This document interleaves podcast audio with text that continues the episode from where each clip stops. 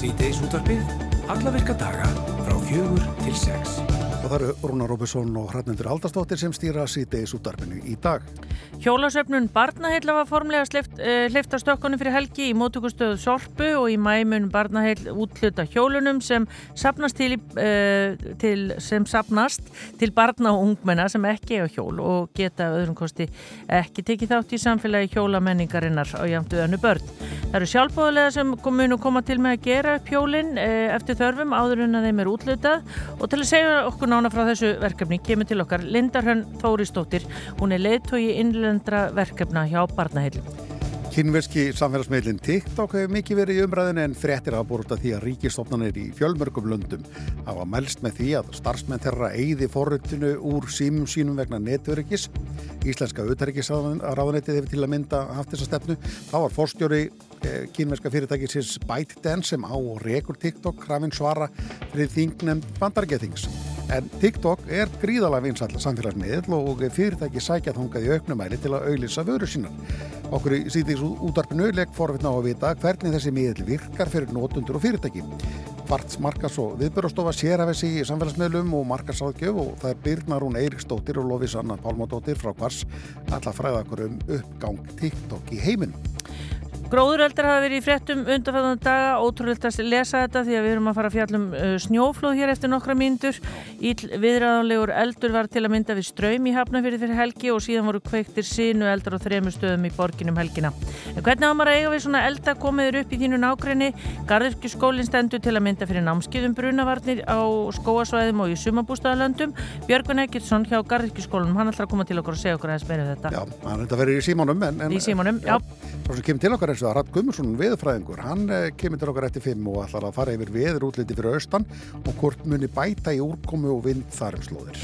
En við ætlum að byrja eins og áður segði, við ætlum að fjalla um uh, snjóflöðin sem að fjallu í morgun og hér réttu eftir ætlar við Reynisson að vera á línni, við ætlum að fara svona yfir helstu aðgerða áallun hjá þeim, hjá almannavörnum. En Guðmundur Abgjell Gíslason, hann byrjaði daginn í fjöldar hjálparstöðinni í Egilsbúð því að það þurfti að rýma svo kallað mýrarkverfi í Neskustad þar sem að hann býra á samt Guðrúnu eiginkonu sinni og nú eru þau komið til vinafólks á örugum stað og hann er sem sagt á línu. Kontur sæl að blessa Guðmundur? Já, komið sæl. Segð þú okkur, hvernig byrjaði þessi dagur? Ég sagði þú byrjaði í fjöldahjálparstöðin en hann byrjaði vantilega aðeins öðruvísi. Já, það, það bara byrjaði þannig að við vöknum bara á 70 tíma í okona minn og þá sáum við að við vorum búin að hóa SMS um það að við ættum að halda kýru fyrir heima og svo bárust okkur fljóðlega fréttir af því sem hafi gerst og, og Björgunum sveitin bankaði svo upp og bara skömmu sveitna og báði okkur að vera tilbúin af því að það væri að fara að staða rýming. Já. og þá hendi mann bara tambustanum og þessu nöðsilegasta í, í enna bakpókan og var tilbúin og fór svo með björgunarsveitinni emitt nýri fjöldi hjálparstöðina í Eismóð og þá var að drífa, drífa þar að fólk emitt úr þessu hverfi sem við búum í, í mýrakverfina þessum að, að flóðið fjall á tvö fjölbilshús mm. og svo er búið að vera rýma náttúrulega svo hafist handa að vera rýma víðar í bænum að bakka hverfið og, og fleiri, fleiri staði sko Já, það eru snjóflóða. Þannig að það fór að fjölga í Íslu þá, þá ákvaða við að tengum leiði hjá uh, stjórnin hérna að fara, fara okkur um set bara til þess að búið búi til plásku. Það voru svo bara að fjölga svo mikið í húsinu og ákvaðum að fara til vinna fólks okkar. Já, e, það er náttúrulega, eru snjóflóðavarnir hérna fyrir ofan en það er ekki full kláraðar. Hvernig er að, að vitandi að búa í hverfi sem veist að það er ekki snjóflóðavörð fyrir ofan? Já, sko, þetta er náttúrulega þannig að við lýsum staðhóttum að það er búið að verja mest alla byggðina, semst frá indri hluta byggðarinnar og út eftir. Uh, og það var náttúrulega gert uh, áfangaskipt og tekið eftir því sem að mesta hættan var metinn, þannig að það var búið að verja rauninni hættu mesta, mestu svæðin í neskum stað en, en svo gerist það að það fellur flóð einmitt á þessum stað það sem að á eftir að verja og það er held ég bara tværið þrjár vikur frá því ég var á íbúafundi það sem var að kynna þessar fyriröðu varnir sem á eftir að byggja þá fyrir ofan mýrarkverfið og bakkana og það er náttúrulega og að þeim fundi komið mitt fram og við spurðum um hvernig það hafi standað við þessa framkvæmdir og það var til miður eitthvað lítið um sögur hvernig það er að ég vona að þetta verður nú til þess að mann býði ekki lengi með að hefði þær framkvæmdir. Nei, en bara svona því að þið þekki nú kannski og eru svolítið tengt náttúrunni þarna fyrir austan, þessi snjókoma og þetta fannferki hann í gær og svona, er, lætist að ykkur eitthvað svona ónóta tilfinning eða hvað? Nei, ég verð nú að viðkjanna að það gerði ekki sko í gær. En semst, við, jú, við reyndar höfum aðeins orðaði og konar minn þegar hún var að móka hérna, bílun okkur út úr bílskutum og það væri rosalega mikið svona laus mjöll og svo var svona hart undir eldri snjór og við, við sögum þá í gær að þetta væri einmitt svona hættulega rastæðar þannig að jú, jú, við erum alltaf, fólki er alltaf vakandi yfir þessu og, og hérna en, en það var bara ekkit svona greiðlega mikið snjór í bænum í gær. Það hefur bara greinilega alveg kynkt alveg rosalega mikið niður í nótt og og áhugjefni mitt er nú það er ennþá að snjóa og snjóa allan dag. Það er svona hægur vintur þessu stundin og skipnið er svona örlítið betra heldur en það var í morgun. Já, en hva, hvaða upplýsingar fáið þið uh, frá uh, sérfræðingum og þeim sem til þekkja, svona um næstu klukkutíma? Já, ég hef náttúrulega bara mínar upplýsingar mest úr fjölbölum. Ég fekk reyndar SMS á hann frá almannavörnum um að það væri rýning líka undir snjóflómanverkjum að það væri væri eh, bara sem varmar ástöðun en, eh, en mér skilsta fólk sem, er, sem hefur þurft að rýma húsin eins og við og fleiri þurfum að gista annar staðir en heima hjá okkur í nótt og, og það verður náttúrulega bara að hafa sig gang. Við bara öryggi ofar öllu. Já, það vantarlega hefur þetta haft áhrif á, á, á fólk sérstaklega það sem er búin að búa lengi eh, á Norrferði snjóflóð fjallarna 1970 og, og fjögur. Þetta vantarlega svona leikt smá óhug í fólk Já, já, fólk sem uppliði það og, og, og hérna misti vinni og ætti ekki að það náttúrulega var skekka í morgun bara eins og kona mín og, og fleiri og svo var náttúrulega bara fólk í eigilsbúði morgun sem að skreið út úr íbúðinu sínum það sem að stjórn hafi farið inn og glukka og já. mann skilur náttúrulega vel að fólki sé verilega bröðið bæði þessu fólki og bara okkur öllum sko. Já, maður er eiginlega bara, þegar maður horfur á þessu myndir, maður trúur þessu ekki.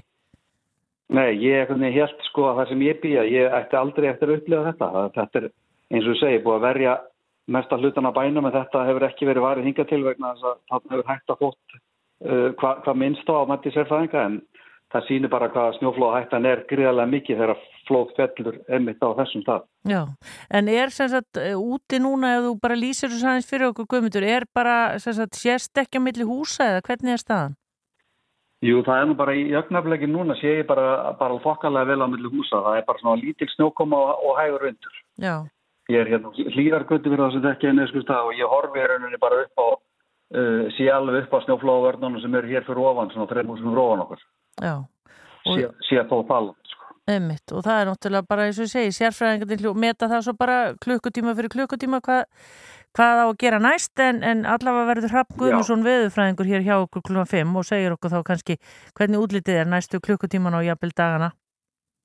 Já, akkurat, einmitt. Bestu hverju til ykkar Östur Guðmundur Rappkjell eh, Gíslason og bara gangi ykkur vel.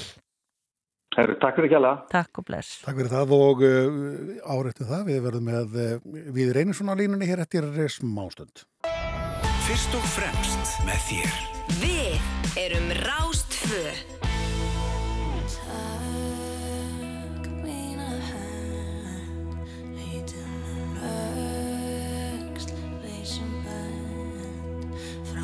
Marströð sem draugar vakku elda Lengra, lægra, oft vilja daginn svelta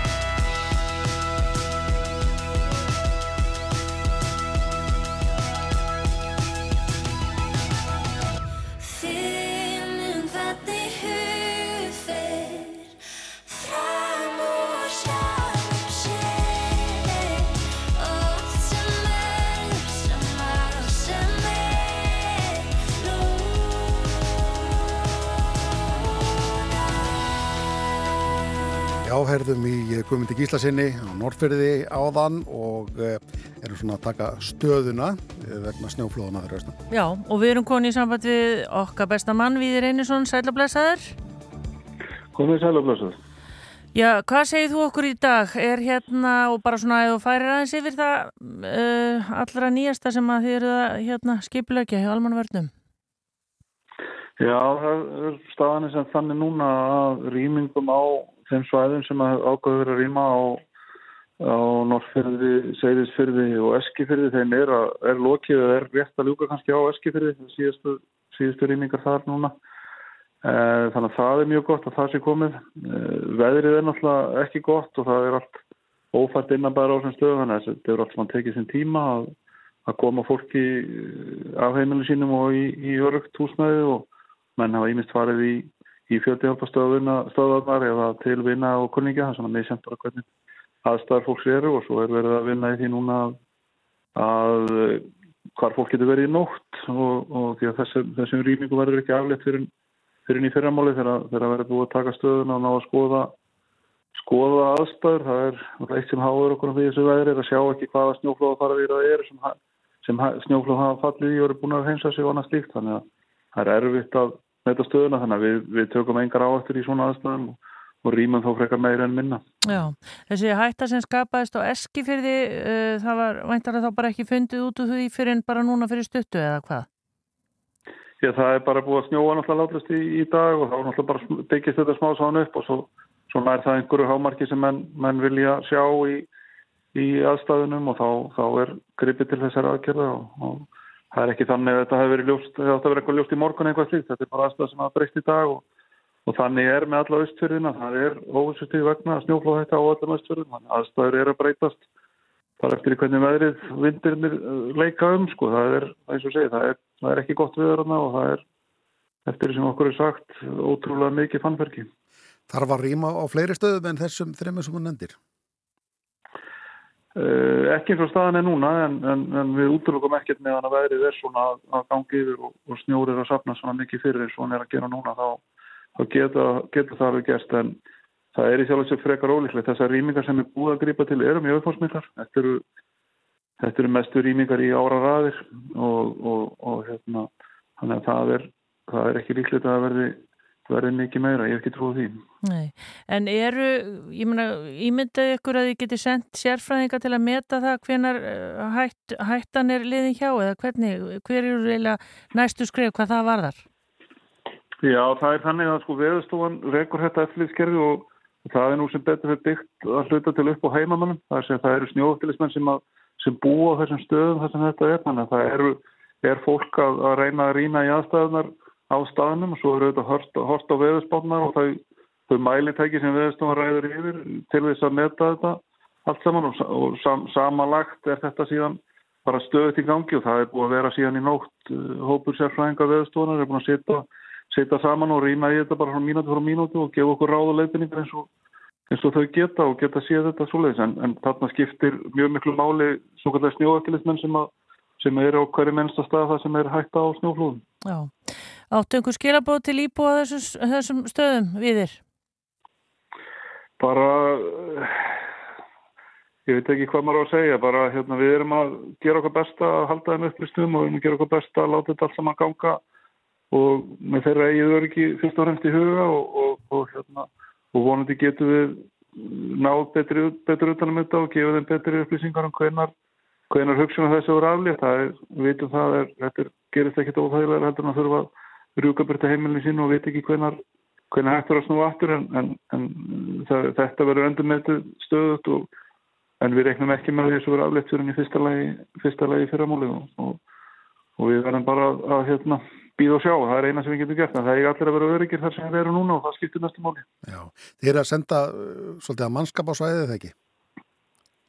Jú, það er sem sagt þannig að heimafólki er náttúrulega búið að síðan í nótt og, og verður að fram á nótt og við sagt, sendum mannskap til þess að vera bæði til þess að leysa af í nótt þannig að heimamenn getur kvilt sig og síðan líka til þess að vera með, með sérfræðinga, fleiri sérfræðinga, hunda og, og, og fleira á staðanum ef einhvað, óvand gerðist eða fjallir flóð og óvandum stöðum eitthvað slíkt.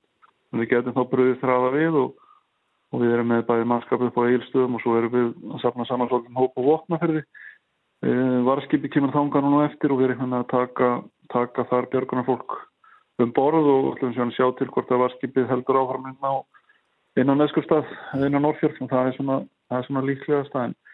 En það er, þeirrplan er búin að vera fyrir austan til dæmis og ætlaði að hjálpa okkur að flytja mannskap núna áðan og það gekk ekki, það er verið svo slemt að hún komst ekki inn á Norrfjörðu þannig að, að hún var frá að hverfa og er aftur komin að eftir bestu á eilstöði en hún verður á stanum og við munum nota hana ef það, ef það dúrar eitthvað og gerist eitthvað þá munum við geta komið komið sérfræðingum nokkur sem viljum koma á þessar staði til þess að taka nætuvættina svona. Já, fólki sem að er í, í, í hjálparstöðunum og, og svo heima hjá vinum og kunningin, hvernig nærða að færða upplýsingar frá okkur? Eitthvað sem þetta ringja í eða er þetta allt bara staðböndið? Já, það er sem sagt, við erum náttúrulega með Rauðakrossin sem heldur utan á þessi mál fyrir okkur. Við erum með fjöldalastöðunir þetta virkar og það er reynum að gera gefist mikið upplýsingum eins og hægtir.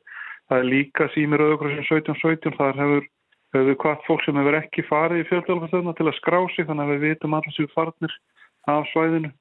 Uh, við náttúrulega notum fyrst og fremst bara fjölmeila til þess að koma þessum upplýsingum á framfæri. Við höfum búin að senda SMS á alla þessar staði þessi rýmingar hafa verið í, í, í gangi. Það er þetta mjög takmarkar upplýsingar sem berast með þeim og nú líka séð að það er tungumálum við verðum að senda þetta á íslensku ennsku og, það er nú ekki alltaf döga þannig að við hefum líka verið að treysta mikið á upplýsingarna berist mann á milli en, en, en við notum fjölmjölurum í góðu samstarfi fjölmjölum að koma upplýsingum á framfæri eins vatn eins og við getum og hvernig fólk til að fylgjast með, með fréttum. Við erum svona takk kæla fyrir þetta og gangi ykkur vel. Takk samanleðis.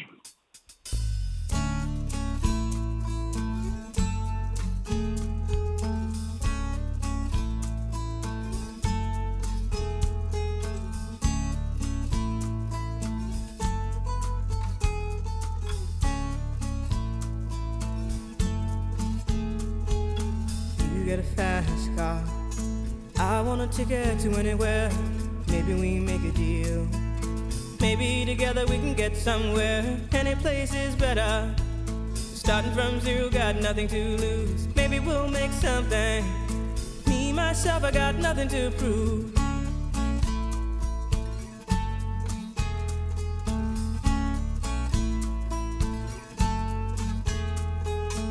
You got a fast car.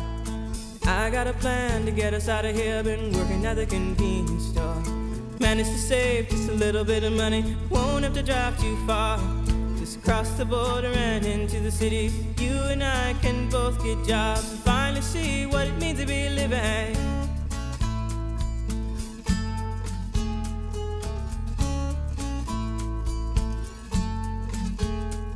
See, my old man's got a problem.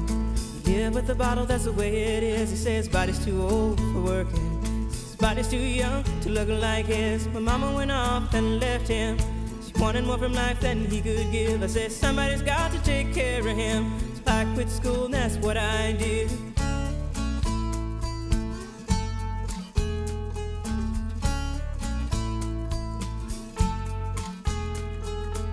You got a fast car. Is it fast enough so we can fly away? We gotta make a decision. Leave tonight or live and die this way.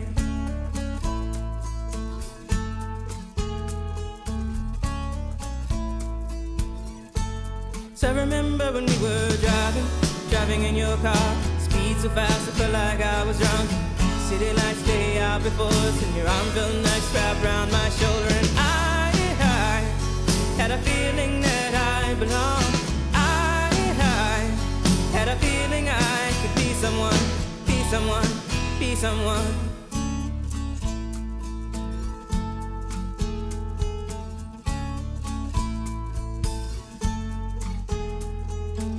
You got a fast car. We go cruise and entertain ourselves. Still ain't got a job. Now work in the market as a checkout girl. I know things will get better. You'll find work and I'll get promoted. We'll move out of the shelter, buy a bigger house and live in the suburbs.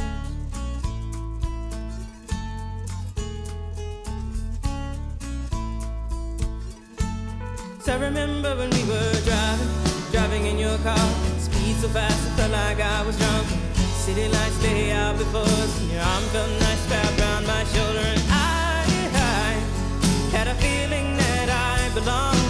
I, I had a feeling I could be someone, someone, be someone.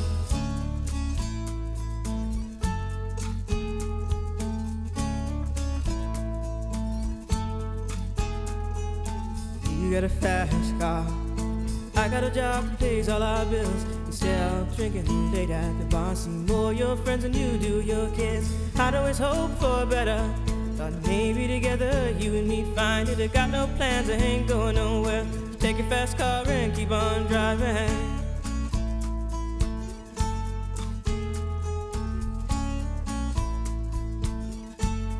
I remember when we were driving, driving in your car. Speed so fast, I felt like I was drunk.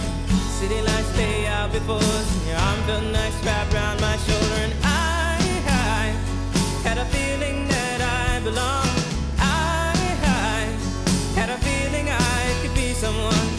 Someone, be someone.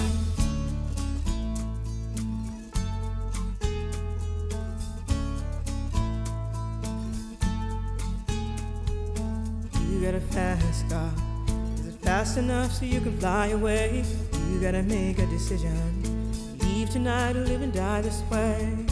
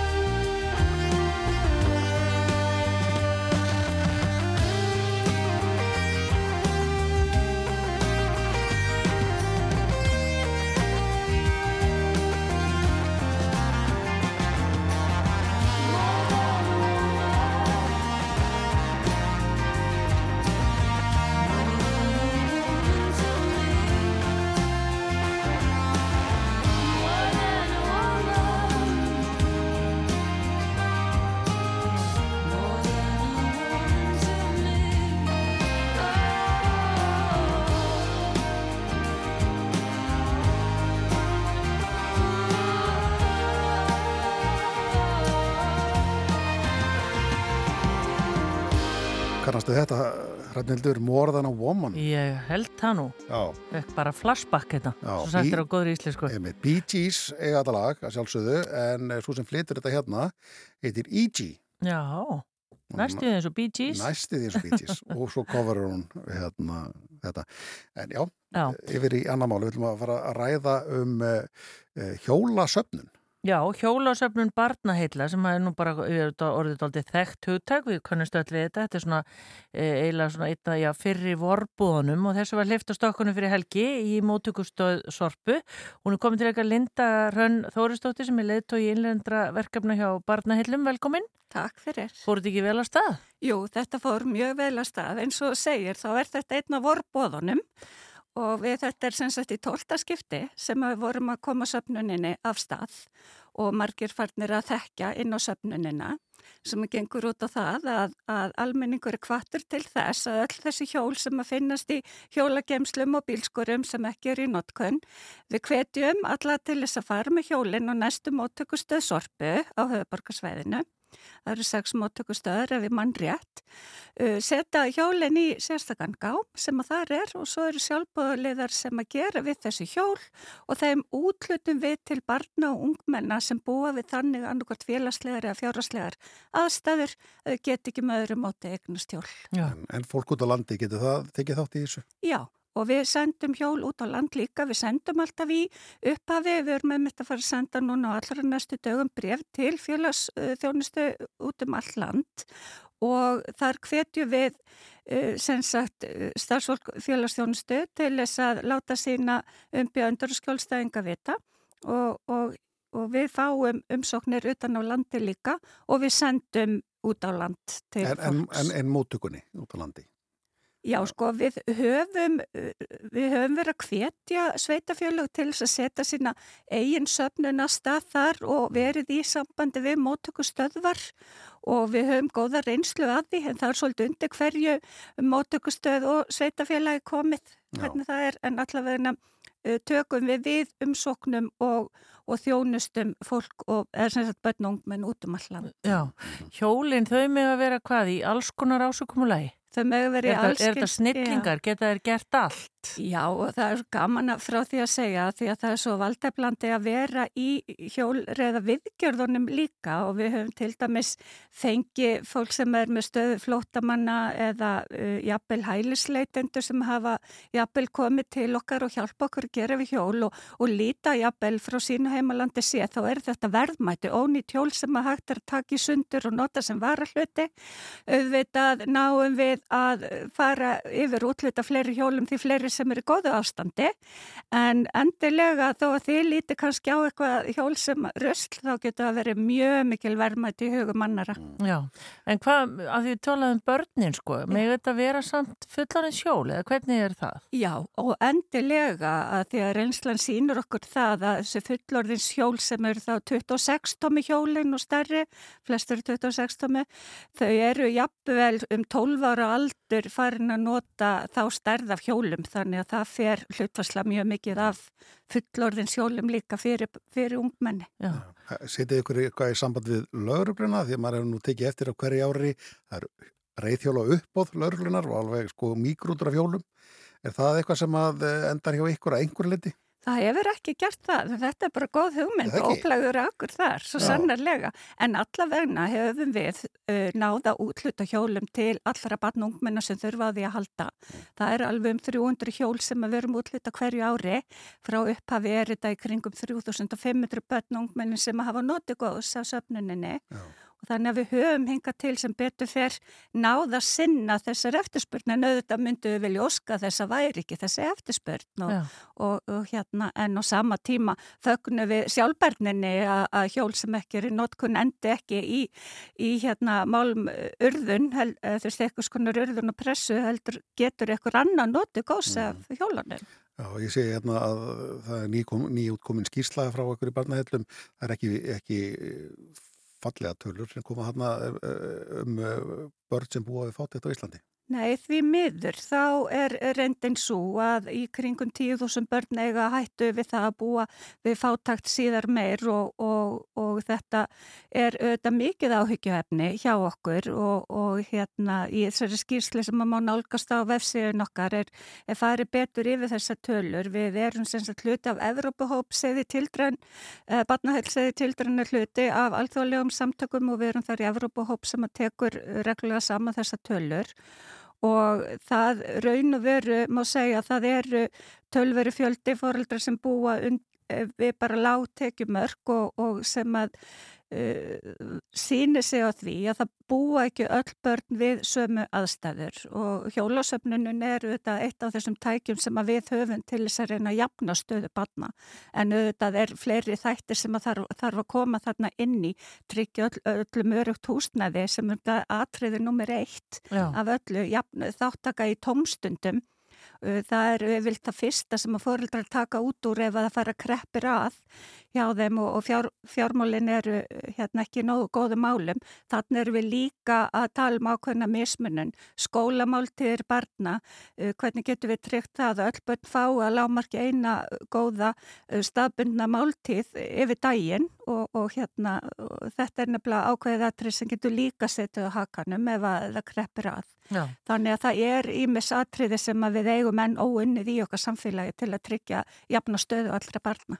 En ef einhver er að hlusta og ymitt uh, eh, glýmir við það, get ekki keift hjól eða annað fyrir börnin, þarf fólk þá að skrá sig eða fer þetta í gegnum eitthvað annað kerfi eða hvernig? Við hvetjum uh, þá aðstandendur þeirra barna að hafa samband við félagsþjónustu sinns sveitafélags. Það er líka hægt að hafa samband við hjálpastar kirkjunar. Uh, þar uh, við fáum fjölmarkar umsóknir þaðan líka og, og hérna en félagsþjónustu sveitafélagana hafa verið okkur, hérna við fengið mikið umsóknum þaðan. Þannig að það er best að hafa samband í, í gegnum félagsþjónustu í sínu sveitafélagi og hinga til höfin á að, að sinna öllum umsóknum og sjálfsögstefnu við á að gera það áfram. Já, allar betri og nánari upplýsingar inn á barnahill.is Já, við erum líka með Facebook síðu, Hjólasöfnun Barnahilla. Hvað stendur þetta lengi? Söfnunin á hjólun stendur yfir til fyrsta mæ og við stefnum að klára þá útlutun uh, til svona cirka 10. mæ og núna er, er við með gott lisinni frá reyðhjóla það er reyðhjóla bændur, EOGT Æskan og, og Sorpa sem eru samstagsæðilar okkar og ég veit að reyðhjóla bændur mun hérna, áfram útluta hjólum eftir að við hættum en, en þarna eru við allavega að sapna hjólum í sérstökum söpnuna gámum þannig að við getum allavega tryggt það eins mikið og möguleiki er að öll börn og ungmenni sem þurfa á að halda að fá hjól hjá okkur í hjólasöpnuninni. Já, Linda, þú, þú ert í leit og innreindra verkefna hjá mm. barnaheitlum hver er svona einhver helstu, helsta starfi yfir árið, hvað, hvað er það að gera? Já, það er, hefur frá upphafi frá því að barnaheil voru stopnuð hér á landi. Sko, samtökin eru, eru stopnuð í Breitlandi 1919 í kjölfarið á heim, nef, fyrir heimstyrjöldinni. Uh, þegar raun og veru var útsíða börn bjöku við mis, mismunandi kjör og, og börn óvinna barna óvinnana og börn, hérna, bandamanna og annars slikt og börni voru byggu ekki öll við sama aðbúnað. En hér á landi voru samtökjumstofni 1989 og frá upphafi hefur verð gegn ofbeldi á börnum, við erum okkar helsta baratumál mm og við hérna, erum mikið í forvarnarvinklinum, tökum þá, þá stöðu meðal annars forvarnir gegn einaldi, við erum með verkefni sem heitir Vináta sem að hérna, margir sem þekkja bánsan blæ, vinalegur uh, fjólublár bánsi í leik og grunnskólum landsins og svo verndarar barna sem er forvarnarverkefni okkar gegn kynferðisopeldi á börnum. Þetta er svona stærstu verkefnin okkar ábendingalína þar sem hægt er að tilkynna um, um óæskilegt efni sem að veru varfið á netinu. Mm. Uh, við erum með fræðslu um, beinum hætti í, í grunnskóla til batnaaldrunum 5. 5. til 10. bekk um að setja sér mörg kyn heilbreyði því að þetta er líka ákveð for, forvarnaskinni bæði það að virða mörg annar og geta sett sér sín eigin mörg valdabla hvern einstakling. Við erum, skrifum reglulega lagaumsagnir um málefni sem að, við, sem að koma að börnum og tökum oft fyrir ákveðna málaflokka eins og þegar koma gjaldfrjálsum tannlekningum barna, gjaldfrjálsa grunnmentun barna og erum í fjölda samstarfsópa bæði hér á landi og erlendis. Mm. Er, er þið mörg á, á skrifstónu eða hérna í þessum samtökum sem starfandi? Við erum tíu, tíu starfsmenn Já. sem eru núna. Já. Við höfum verið eflokkur í erlenduverkefnunum líka. Við höfum verið í hérna, þrónasamvinnu í Afríku í nokkrum ríkjum þar og nokkrum löndum þar og allar nánar upplýsingar eru þetta hægt að nálgast á vefsíðinu hjá okkur, þá er erfitt að stikla á stóru jú, jú. Á, á hérna í, í stöttumáli en, en hérna en aðalatriðið eh, sem sagt það sem við okkar megin fókus er forvarnir gegn ofbeldi á börnum. Já. Og nú er það hjólasöfnuninn sem stemtur á minnstu kosti til fyrsta mæ, allar upplýsingarinn á barnaheilin en svo er það bara sorpa að fara með hjólið eða þið ætla ekki að nota það í hérna gámið þar. Endilega, það eru vermaði í okkar augum og barnana. Emmitt, Linda Hrönn, Þóristóttir Leittói, innlendra verkefna hjá barnaheilum. Takk fyrir komin í sítið þessu torpið. Takk kærlega fyrir.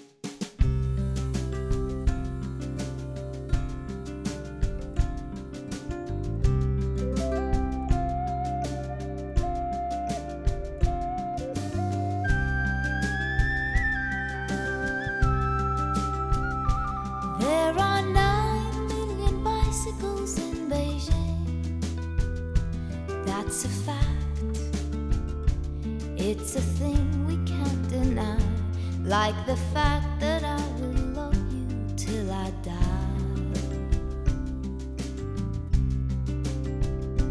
We are 12 billion light years from the edge, that's a guess.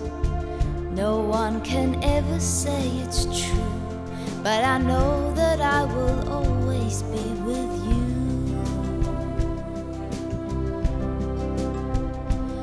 I'm warmed by the fire of your love every day.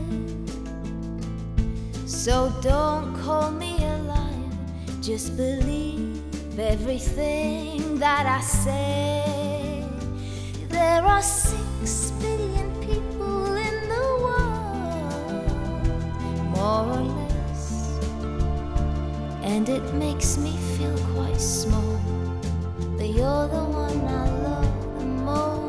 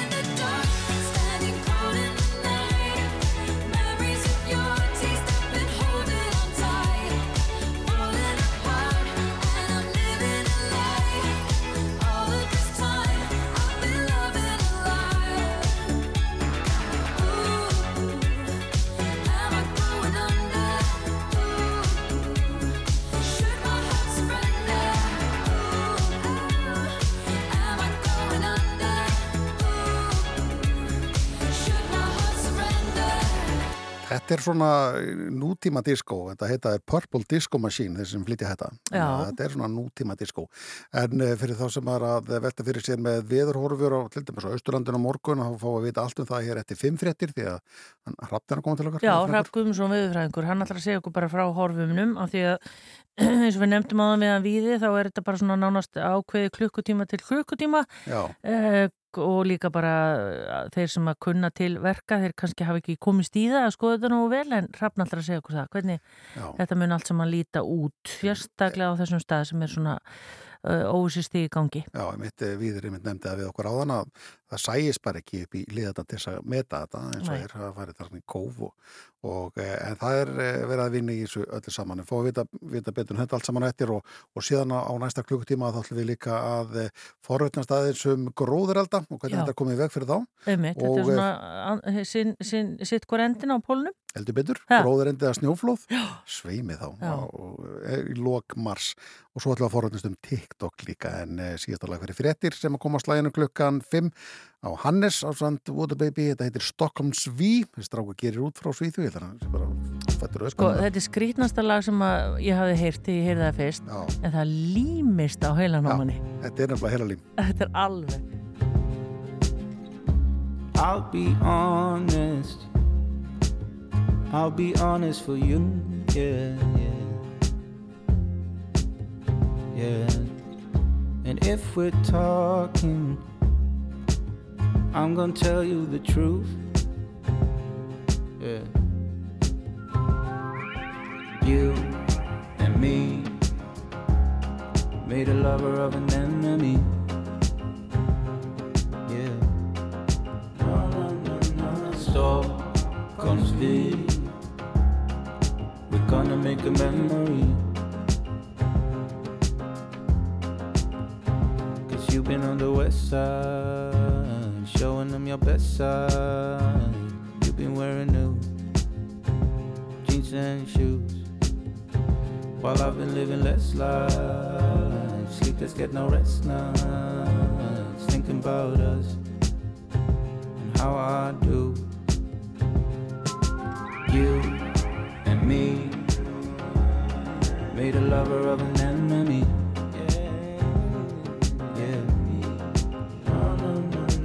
Stockholms V. We're gonna make a memory. Okay. Do you remember when she lied to you? I Remember how she almost fooled me too? I You could do better, I mean honestly. I could. This is your city, it's your Stockholm's view. Light rain is a veins, diamonds on my face. I don't wanna say I'm not okay. You say you wanna go, I wanna stay. I'm okay by myself. You and me made a lover of an enemy. Yeah, yeah. No, no, no, no. Stop, conflict.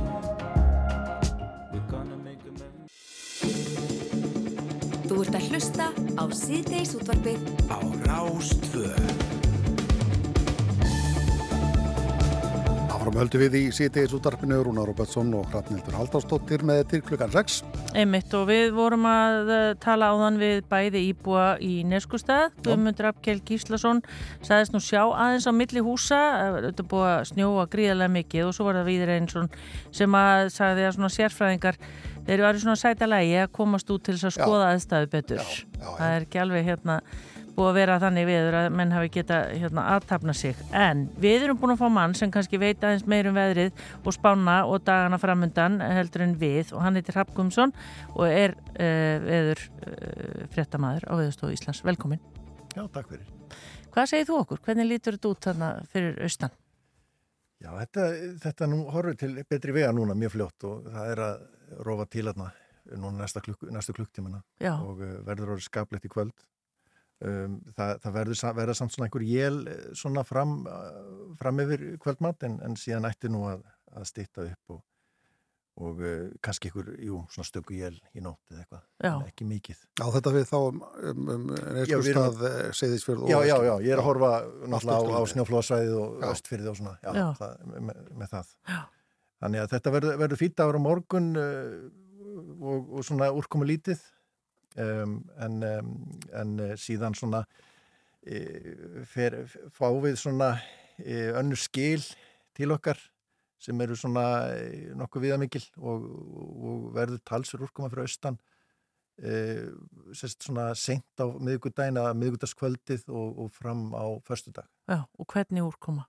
og þetta er eh, eins og þetta er núna eh, þá er þetta svona aðeins kaldari austanátt þannig að þetta er meira í, í föstu formi þarna á vestförum Mm þannig að eh, eins og spátnar eru eh, eru að reikna það núna þá er þetta eiginlega bara snjókoma eh, í þessari austanátt Já, sem er nú eh, frekar óvinnilegt það er svona oftast einhver bloti með svona austanátt og, hlý, og oft, oftar en ekki hlýri já, en, en einhver skilir þið hérna skapast? Já, hún er, hún er kaldari en, en leit út í gær og, og, og þetta, það gætu bæst þarna eh, við alveg 100 mm svona í fjöllum, eða rúmlega það 120 mm Já, sem er svona, já, við getum þá skipt út, ef þetta er snjókoma þá er þetta svona cirkabát í staðin fyrir millimetrar þá er það sentimetrar af já, já, fjöllum snjó, vá, þannig getur farið við metri í viðbót svona í, í fjallinana. já, já, já. Það er, það er ekki góða fréttir. Nei, það er ekki góða fréttir. Nei, En síðan er nú uh, helgin lítið vel út, það er svona aðgerð lítið viður. já, einmitt. En, en sko, er þetta ekki svona snjókoma svona seint? Ma, maður sko, það er allir farin að lakka svo til vorsins og sumarsins og svona, svo bara snjóar og snjóar bæði fyrir norðan og austan. Er þetta ekki, Já, það er, það er, uh, við höfum öll náttúrulega hitt á þessu páskarhitti, fræga páskarhitti, þannig að þetta er nú ekki óvinnlegt, en nei, það er nú bara ennþá mars, en, þannig að það er nú svona vetramánuður, má segja, já, þó janúar og februar sé, sé nú eh, sínu verri, já, en, um, en nei, nei, það búið að vera já, frekar kalt hjá okkur, svona kannski kaldarni já. sagt. Þetta er hérna útlitið allavega næstu dag þarna fyrir austan Já, og uh, en, en eh, er eitthvað að breytast hérna hjá okkur? Með þú spyrjuð um það? Já, já, já, e, sko, það er náttúrulega bjartu dagur í dag, og, en kalt uh, en það hlýnar svolítið með þessar austanátt sann sem áður, þá hún sé kaldari en, en svona leitt út fyrir í gær. og hvað fáum við þá? Í föstu formi eða í... Nei, ja, það, það verður lítil úrkoma í okkur hérna Já. á höfbrukusæðinu, það, það verður svona einhver slitróttrykning kannski á, á, á miðugunda fymtudag, ekki mikil en e, svona hítinætti allavega að leita upp í einhverjar e, plústölur Já, en ekki mikið, kannski, eða kannski fyrir 5-6 gráður, 7 gráður mestalegi mhm, fimmtudaginn Mm. sem er nú bara verður að telja, teljast gott með það sem við verið að, að upplifa þetta farið. algjörlega. Ja. Við vorum að tala um það áðan, þetta var í svolítið anstæður í því sem við erum að ræða í þættir minn dag, gróðureldum og, og Já, sinubruna, já. Já, sinubruna og gróðureldum og, og, og þetta er mjög skipt hérna á landinu. Ekki starra landi þetta, það er alveg magna hvað er mörg viður, marg, mismundi viður millir landslita. Já, alveg gríðalega. Þetta er svo fjölbreytt og það, það er bara mjög oft, mjög erfitt að, að, að átta sig á öllu, öllum breytingunum sem að verða á einu sólarhing Já. það er, getur svo margt gerst og, og, og svo mismunandi mitt í landslita, það er alveg ótrúlegt já. Já. Hvernig, hvernig er þessu vetur verið eh, hérna, svona í sögunni svona þegar vantar að ræði, sa- ræði svolítið, það svolítið á, veður, veður Kaldur, ég segi Já, það. við viðfrængar eru nú meira svona að horfa bara fram á veginn Já, ekkert- en- ekkert já. Það er önnu deild sem sér um hana svona fortíðina en, en já. já, þetta er búið að vera náttúrulega ofinu kalt, svona desember, janúar Mhm. ofinu kaldir og búið að vera svolítið kalt, langir kuldakablar, myndi ég segja, það er Já. svona svolítið einkennandi um, en, en svona ég veist nú ekkert vera neitt sérlega harður vetur svona upp á, upp upp á svona skadræðis lægðir Nei. Jú, þá við fengið náttúrulega nokkar en, en, Ekkert en með við rauða viðuruna veturinn hanna Já, sem já, já. fyrir tveimur árum eða ekki já. En Rafn, ef við tökum þetta þá saman þá sagt aðeins hérna, rofar til núna í dag og í nótt Já. svo sti- svona ágætis viður þá á morgun Fínt og svo morgun. aftur og svo aftur og svona lengst af á miðugudaginn ágætt sko en, en síðan fyrir að svona hversa af eh, aust, aust, norðaustri og, svona strekkings eða allkvæðs vindur með þessari úrkomu sem færist yfir þarna sent á miðugudaginn og, og, og já, og þetta lítur út fyrir það lítur út fyrir að þetta sé snjókoma Mm. eins og staðan er núna Sér þið eitthvað í kortunum, hvenar fáum, eða þau fá hlýjar tölur, eða þannig rauða tölur? Hva, hvað sér fyrir? Sér þið eitthvað í kortunum í, framtíðina? Sér Já, þið nei, sko, einhverjar það- hlýjar tölur í, kortunum fyrir austverði? Það er engin afgerandi hiti neitt í kortunum næstunni Nei. sko. Það, það línar aðeins með þessari austanátt en ekki mikið og síðan er svona bara frekar að kólna þess eftir helgi. Þannig að það er engin, því miður vorið er ekki alveg svona, e, e, kemur ekki alveg fram í kortunum eins og er. Nei, og það, þú hefur ekkert, það er ekkert þér að kenna Nei, ég vonandi ekki. Takk kærlega fyrir þetta Rafn Guðmundsson, viðfræðingur Já, takk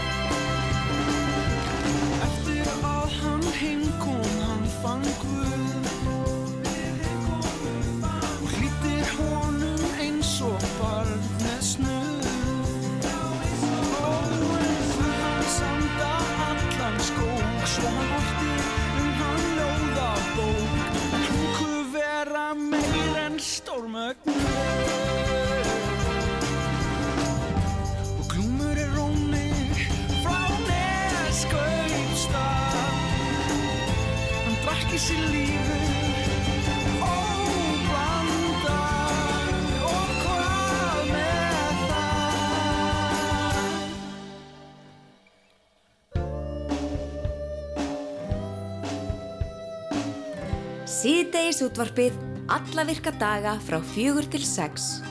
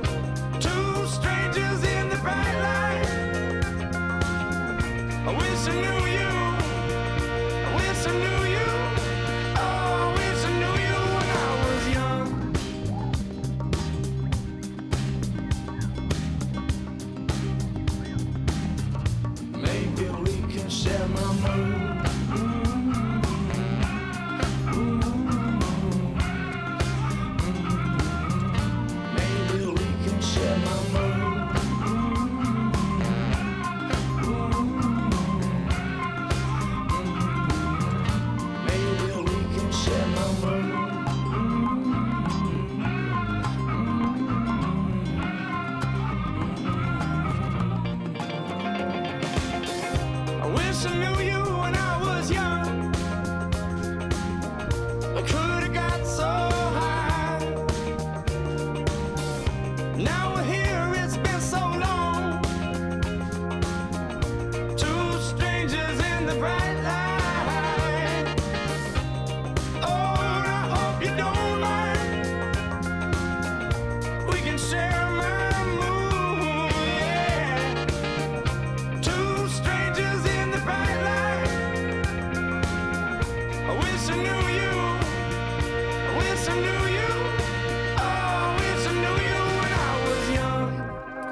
Þetta er sítið í sútarpið á Rástfö, Rúnar og Harpnundum með þetta klukkan 6 og eh, nú er það TikTok, ertu klára á TikTok? Nei, ég var að segja það ráðan, Já. ekki hætt, hætta niðurlega mig, ég kann þetta ekki. Ég er bara sama, sama, ég, ég reyndi sko, ég er ekki eins og ég kann ekki valla á Twitter, ég kann ekki á neitt. Nei, ok. Já, fyrirgeðu, skulum segja þetta hérna, í útvarp allra landsmanna. Já, já, en ég er ekki með TikTok hjá mér og það er bara einfallega vegna að segja ekki, ekki hérna svona náttökum ásum. Nei. Ekki prófaðan að miðil, þetta er gríðala vinsall miðil, eh, samfélagsmiðil, eh, TikTok og eh, uh, þeir eru náttúrulega svona myndbönd bara, held ég, og eitthvað svona. En það er, þetta er búið að já, þetta er búið að vera svolítið í fréttum og, og, og þá af neikvæðum eh, málum og, en uh, við ætlum ekki að ræða það, við ætlum hins vegar að ræða sko, hvernig þetta nýta annan miðil sem að rosa margir á og hinga til okkar er konar, eh, það er Birnar hún Eirik Stóttir og Lofís Anna Pálmadóttir frá Kvarts sem að sér hafa síðu samfélagsmiðlum. Velkomnar. Takk. Fyrir. Hvernig verður ykkur um þegar þið sjáu svona fréttir á, á samfélagsmiðl sem gríðalega vinsæll og svo er neikvæða fréttir um hann? Uh, Þetta er ykkur kannski engum máli? Nei, þú veist, ég hef ekki kipt mig mikið upp þetta, þú veist, maður er, auðvitað, er, að- er bara að lesa um þetta og tekur þetta inn og, en þú veist, bara eins og með svo margt annað þá, hérna, já, ég held að ég hef allavega aldrei upplifað þetta sem eitthvað alveg óg, sko, ég er allavega alveg pollur og lefur þessu. En er ekki all, allir samfélagsmiðla bara svona á svipuðum nótum? Ég myndi halda það nefnilega. Jú, þeir eru það náttúrulega og þetta, náttúrulega hefur, og þetta hefur oft komið í umræðina bara líka með alla aðra miðla Mm. og þetta kom stert upp þegar Snapchat kom á sín tíma og þetta hefur verið umræða um Instagram og, og Já. náttúrulega Facebook hefur tekið þetta margóft Já. en það er samt svona það er samt svona ímislegt sem að hérna, sem vegur upp á móti allt þetta skemmtilega og þetta sem að fólk vil frekar hérna, tala um og hafa, hafa gaman að gaman að miðlinum heldur en hitt Tvær hliðar á öllum er peningum, tvær- sko. Já, Hvað er TikTok svona fyrir svona við, okkur, við happy vitum ekki hvað þetta er? hvað er TikTok? TikTok er náttúrulega bara miðill sem að hérna er að stækka rosalega hratt og hérna er svolítið að, að taka yfir, náttúrulega orða þetta fallega, ég ætla ekki að segja tröll hana. Uh, þetta er, er að taka yfir uh, fullt af miðlum og síðum í heiminum um, og ég lýsir alltaf þannig að þú veist, þú finnur rauninni bara heiminn inn á TikTok, það er pínu þannig.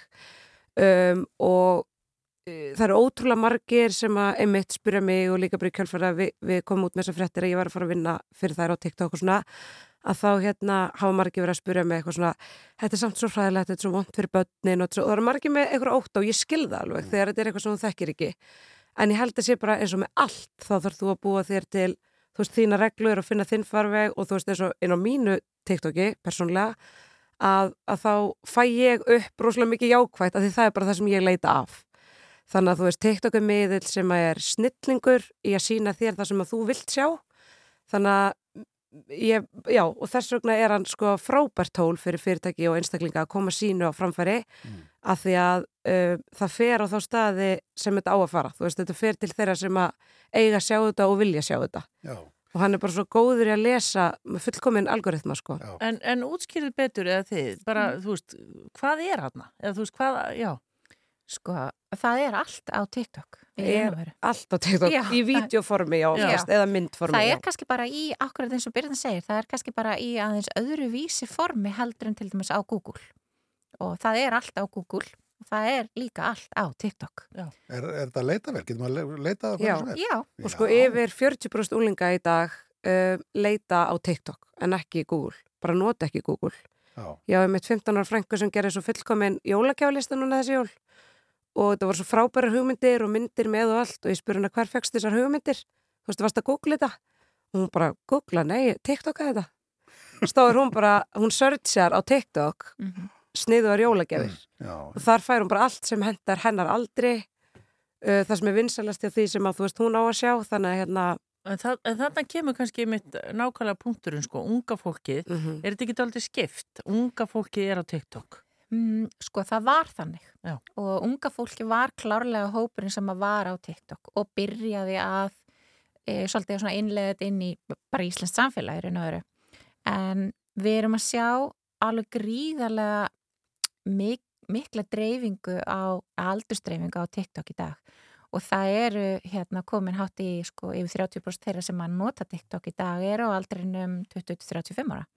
Þannig og þetta eru við að sjá stigvaksandi og þetta er sko, TikTok er í dag einn sko mest vaksandi miðlinn sem við höfum og hann er, hann er að vaksa gríðarlega hratt Já. með aðra samfélagsmiðla og það finnum við líka útrúlega stert að því að sko maður finnur það á fyrirtækjunum sem er að koma til okkar, að leita til okkar í, í ráðgjöf, í markasráðgjöf og annað að þeir segja, herðu, ég er bara að heyra TikTokur allstar, ég er að heyra að veist, þessir eru að kaupa vörur og þjónustu út frá því þeir sem þið sáu á TikTok, sem þeir leitu á TikTok, eitthvað sem að byrtist á skjánum þeirra í gegnum TikTok og það er svolítið það sem að, þessi va- vakning sem er að verða. Þannig að foreldrar eru líka orðnir óbúslega forvitnir um að hvað börnin sín er að gera og þá einhvern veginn opnast svolítið annar heimur líka fyrir eldri hópum og máli er að ég er ekki að sjá það sama á TikTokinu mínu eins og dóttir mín 12 ára að sjá. Hún er að horfa allt, allt aðra, allt aðra hluti. Þarna kemur algoritmin, TikTok algoritmin en hann er svo ofbóðslega skýr og hann er svo ofbóðslega nákvæmur. Ég fæ ekkert nema það sem að snýra mínu áhuga sig. En er ekki þannig yfir í þessum samfélagsmiðlum að leið og uh, eldra fólki er komið inn og þá hverfur unga fólki? Sko það hefur verið svolítið trendið Já. eh, en það sem að rannsóknir hafa syngt núna er það að TikTokið er svo öðruvísi miðl heldur en heinu miðlarnir og hann er að hann er að ná til, sko máli er að TikTok, þá getur við, þú getur sko fengið nostralgíu fíling frá sko einhverju rocklægi sem að mamma og pappi hlustuð á hérna 1967 og, og sko það sem er hipp og cool í tónlist í dag og allt þar á milli. Þannig að það er, hann er öðruvís að þýlitunum til að hann, hann fýtar þig svolítið að því sem að þú hefur áhuga á. Á meðan hinir miðlarnir eru svolítið trendi.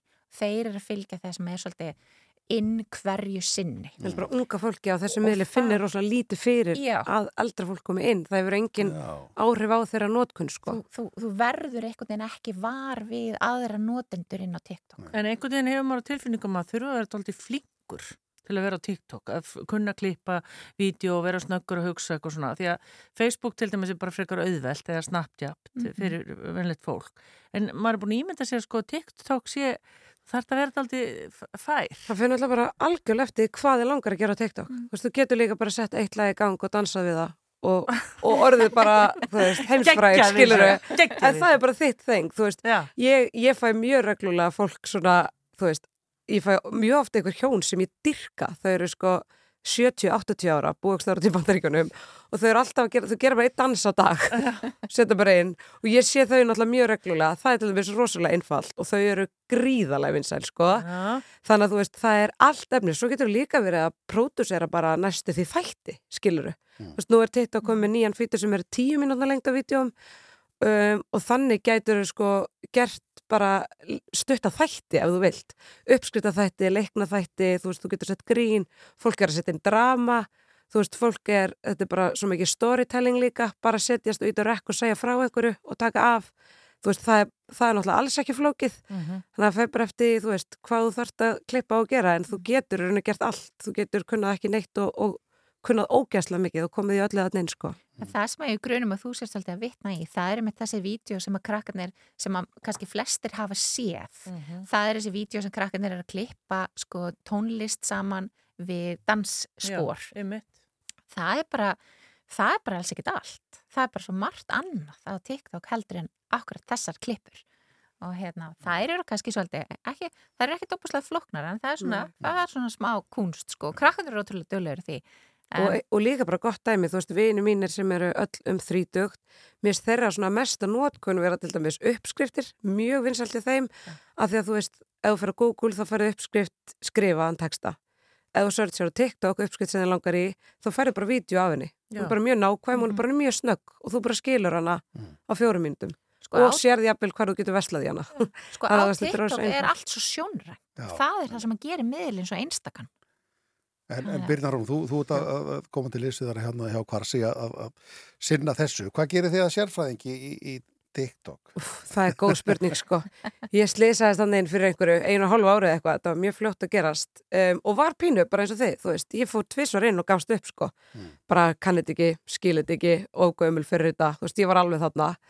Um, svo reyndi ég eitthvað í þriðarskipti, þetta hefur bara verið í COVID, það var rólegt og gaman og ég ætlaði bara algjörlega grínast fyrir sjálfa mig sko. Um, sem að óks svolítið hratt í höndunum á mér, af því að TikTok fór mjög hratt á rétta staði. Um, og ég held í rauninni bara að það sé í fyrsta lagi bara reynsla mín á að hafa verið að koma út við vídeoum og í rauninni bara vinna við það í eitt og halvt ár á hugið minn, laumi á hugið minn á markasfræði sem að ég verið svolítið í skápnu með sko. En er gift manni sem er markasfræðingur og þannig að ég hérna fæ svolítið útráðs við að ræði við hann og bara svona almennt okkar hérna hjónan áhuga mála á samfélagsmiðlum, ég er bara búin stútir þetta ókslega mikið, bara sjálf. Og þannig að þú veist, bara svona reynslan og áhugin e, skila mér þangað að ég veit ímislegt um þetta. Mhm. og hérna og, og tel mig allavega að geta hjálpa aðilum sem eru að koma nýjir inn Já, en ef að þeir sem eru að hlusta og ætla bara að prófa núna með síman, fara Já. TikTok, ke- kemst maður alveg bara nokkuð langt einn að fykta? algjörlega, Allan daginn, sko. algjörlega.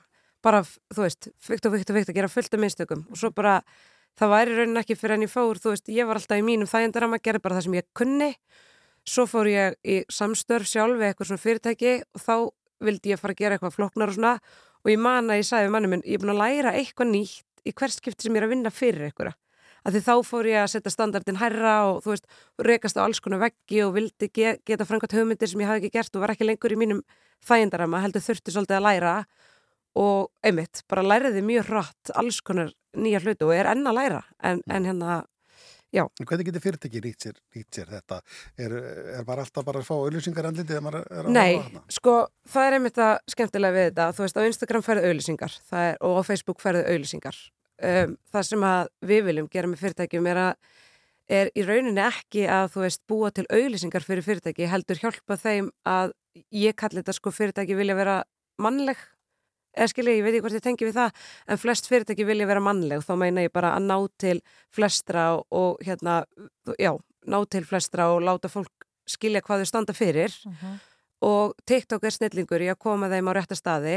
Þannig að þú veist, okkur langar frekar að gera, búa til skemmtilegt efni þar sem að fólk græðir eitthvað á að horfa og finnst það skemmtilegt í leðinni en ekki bara er að fá auglýsingar upp. Og þá að vonast til að uppskriftir sem eiga heima hjá uh, fólki, þú veist, 20-40 ára eru ekki þá að fara til barnana en fyrirtæki sem eiga heima þú veist, hjá fólki 60 ára pluss sé að fara þanga, bara að þetta sé að fara á rétta staði þannig að við séum að gera efni sem er viðjandi við, fyrir hverja hópa Þetta er náttúrulega bara eins og allir samfélagsmiðlar. Ég verð ekki, að- ver að ekki viðrað að hafa í kvöld, ég mun bara setjast með síman og... Já, svo má maður líka bara eiga TikTok að maður þurfi ekki að gera TikTok, bara skrolla og njóta sko. Þess að það er mjög hátt hlutfall af af fólki sem að er með TikTok en hefur aldrei postað neinu. Já, Þannig mjög að hátt. Það er hérna, Þetta er mjög áhugavert og við erum greinlega að uh, byrja í þessu. Já, já, já. Ég ætla, ég ætla að sjá dans frá ykkur á morgun Já, já, Ég er spennt Sýta þessu útvarpi á Það vil TikTok enginn sjá það. Við getum nota tækifæra með að Gunna og Andri í smá fí. Já, nokkalega. Birna Rún Eiristóttir og Lofís Anna Pálmandóttir frá Kvart. Takk fyrir kærlega að vera að koma til okkar og útskýra þetta eins. Takk fyrir Takk sem leiðis Rástfö Fyrst og fremst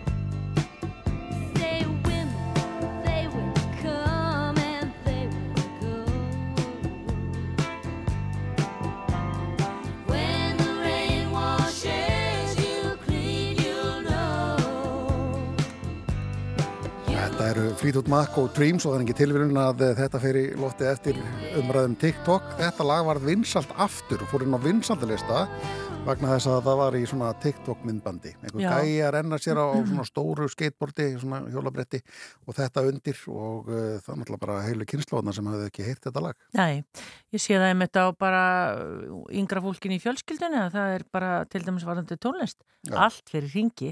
Já. Maður heyri bara hérna alls konar lög sem maður sjálfur Já. hérna, Einmitt, þetta lag er síðan hvað, 77? já, Hvað enda svoleiðis? geggjala. Gæti náttúrulega ekki glimt þessu lægi. Nei, með, svo það eru kynnslóð sem hafa aldrei hlusta á svona gamla músík. Nei, nei. Mm, það er svolítið. Hérna þetta er smá stund við að eh, heyri ánum Björgvin Eggertsinni hjá að fræ- fræðast aðeins um uh, brunavarnir. Það kemur að brunavarnir á skóasvæðum og í sumabústaðalöndum. Svona fórum að velta þessu fyrir ykkur út af, út af sinubruna og aðra slíku. Já. Þannig að hér eftir smá stund.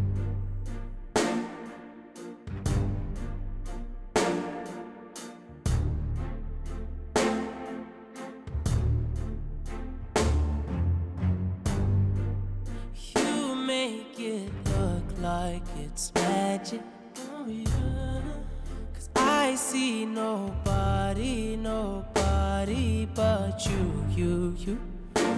I'm never confused. Hey, hey. I'm so used to being used.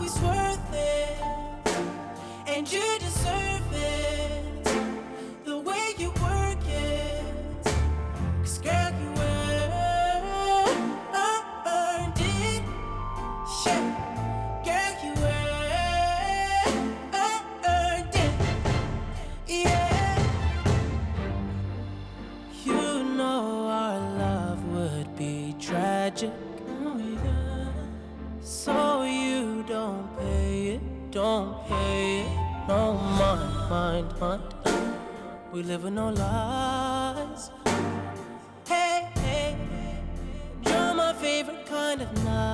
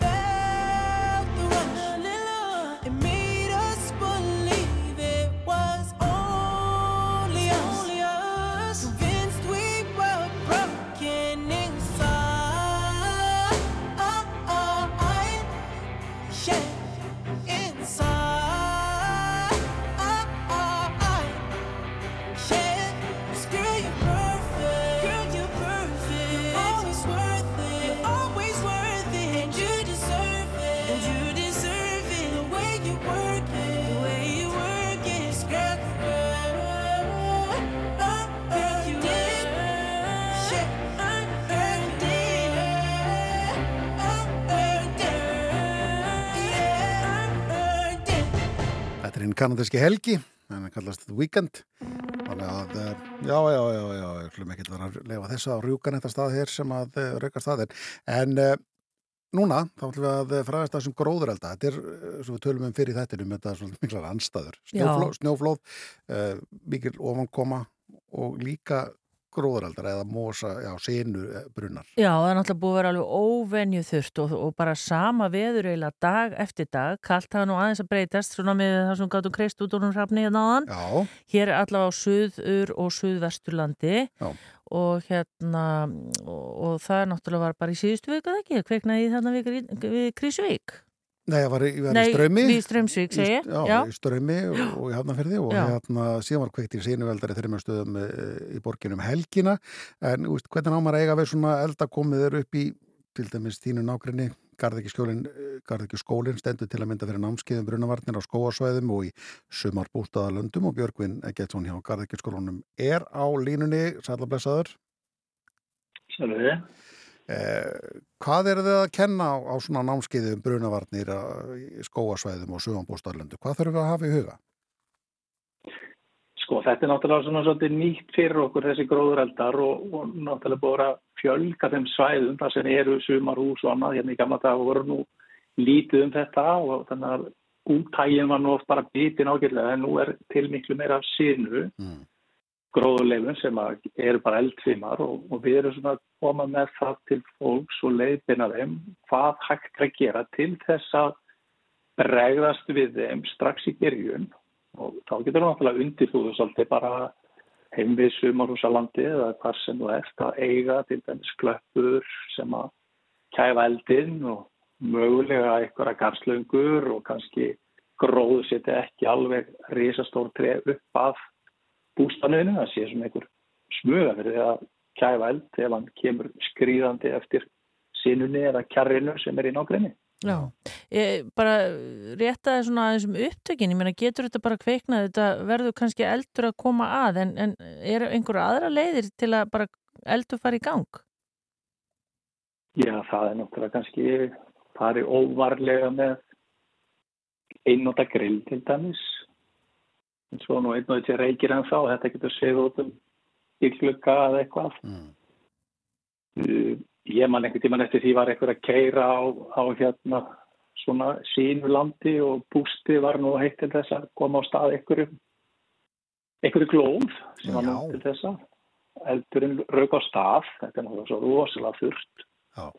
sínan sko þegar hún stendur svona Og þetta, já, já, og þetta er ekki bara sinan, trjágróður og annars líkt sem að kannski hefur verið klift í, í vetur og liggur vantarlega í kannski einhverjum hrúum og öðru slíku eða hvað?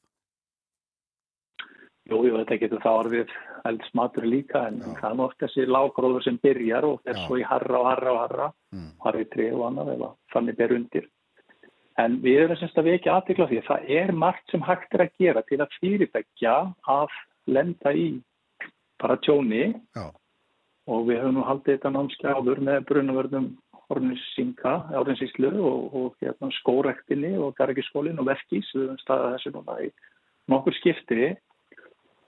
Og þetta hefur svona ílt við sumarhósaegundum og öðru landeigundum svona gefum við svona olbóskott, hugsaði nú þitt mál, þú getur varist að þú stendur rétt á. Og þetta fólk hefur komið til okkar á þessi námskeið og, og sagt eftir að já við bara vorum ekkert farin að hugsa út í þetta og það er akkurat það sem gerist yfir þetta er að menn fara ekkert að velta þessu fyrir sér. Fyrir það er orðið eitthvað vesin og bras og eldur þannig að brenna.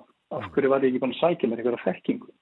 Já, og það er, er hægt að sækja þekkingun á vefin hjá okkur gróðureldra.is til dæmis er það fullt af fínu efni sem að er búið að leggja inn á, inn á þennan vef og uh, þar er ymsar upplýsingar mjög góðar. Mm.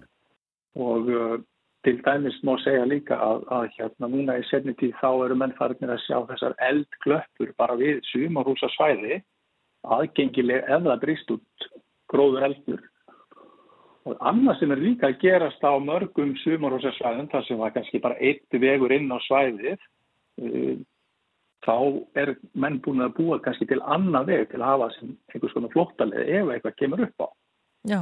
Þannig að vítundarvakningin er að verða meira með nátt að sjá því að við getum alveg svona gert okkur hlutina einfaldari og þægilegri ef að þetta, þessi vákistu skilur koma út. Hvar fær fólk svona, eins og hvað kallar þetta, klöppur? Klöppur? Já. Þetta, það er nú ágæðisverslun í, í hérna, og svo spenna sem selur svona klöppu. Já. Hvað verslun er það? þetta. Þú mátt alveg auglýsa það. Ok, það er vorverk. Vorverk. Já, hérna við erum í vorverk. Þau selja svona gróður eldaklöppur eða sem til að kæfa eldin og mjög sniðut Já, já. og margir sem að fengja sér svona til þess að reyna verjast. Sumir koma sér með þessu upp einhverjum svona á þessum tíma lókmars, byrjun apríl og aprílmánu þá er nú mesta hættan þá hafa menn ég vel búið sér til einhverjar var skeimslur til þess að geta bröðist við ef að einhver hætta er á eldum. Er þetta panta... Nördin eru þar sko. Já, einmitt.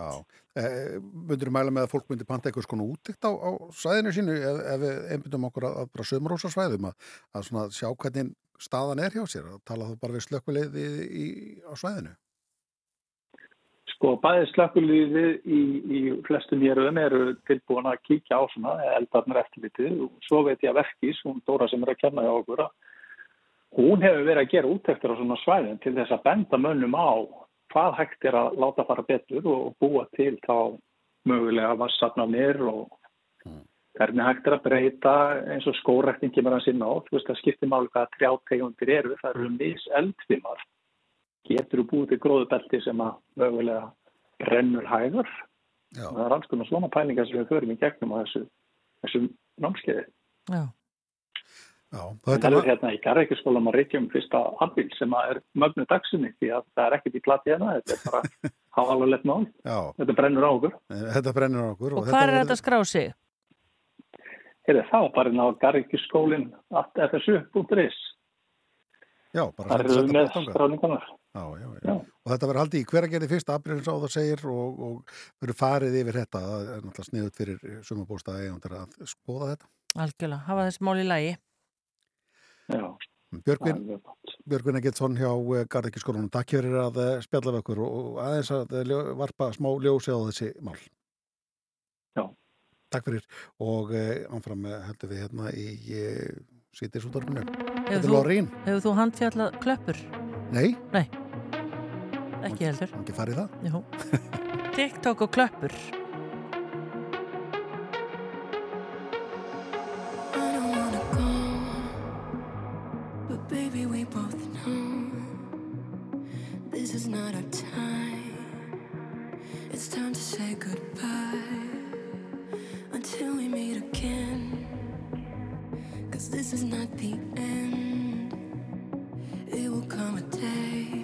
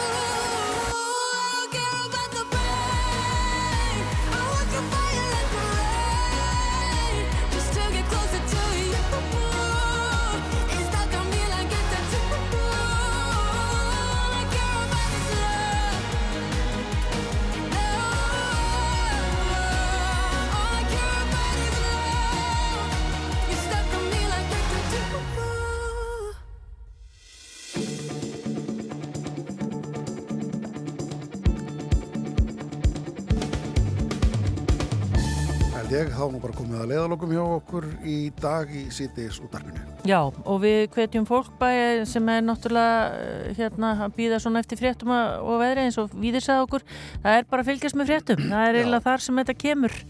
Hva, hver eru næstu skref? Já, við erum hjá Almanvörnum sagði að það myndi nota fjölmjöla mikið til að koma skilabóðum áleiðis. Já, sendum bara bestu kveður hérna austur og fyrir því þar sem fólk þarf að, uh, já, kannski í nótt að minnstu kosti, að sofa annars þar en heima hjá sér. Já, já, og það sem Hrafnum viðfræðingur sem verður á vakkinni mitt í sjóarpinni kvöld, sagði okkur áðan að þá er nú ekkert uh, neitt láta þessu framöndan. Nei, það kemur einhver smá byrta á morgun og, og hérna svo á aftur að snjúa 50 dag og förstu dag og já, eins og ég segi þetta kemur allt saman í ljós hvernig þetta fer Já, gerir það fréttir á slæginu klukkan 6 í því útarpið taka fyrir sig í dag. Ég er aftur á sama tíma morgun eh, eftir fjögur fréttir. Bless, bless.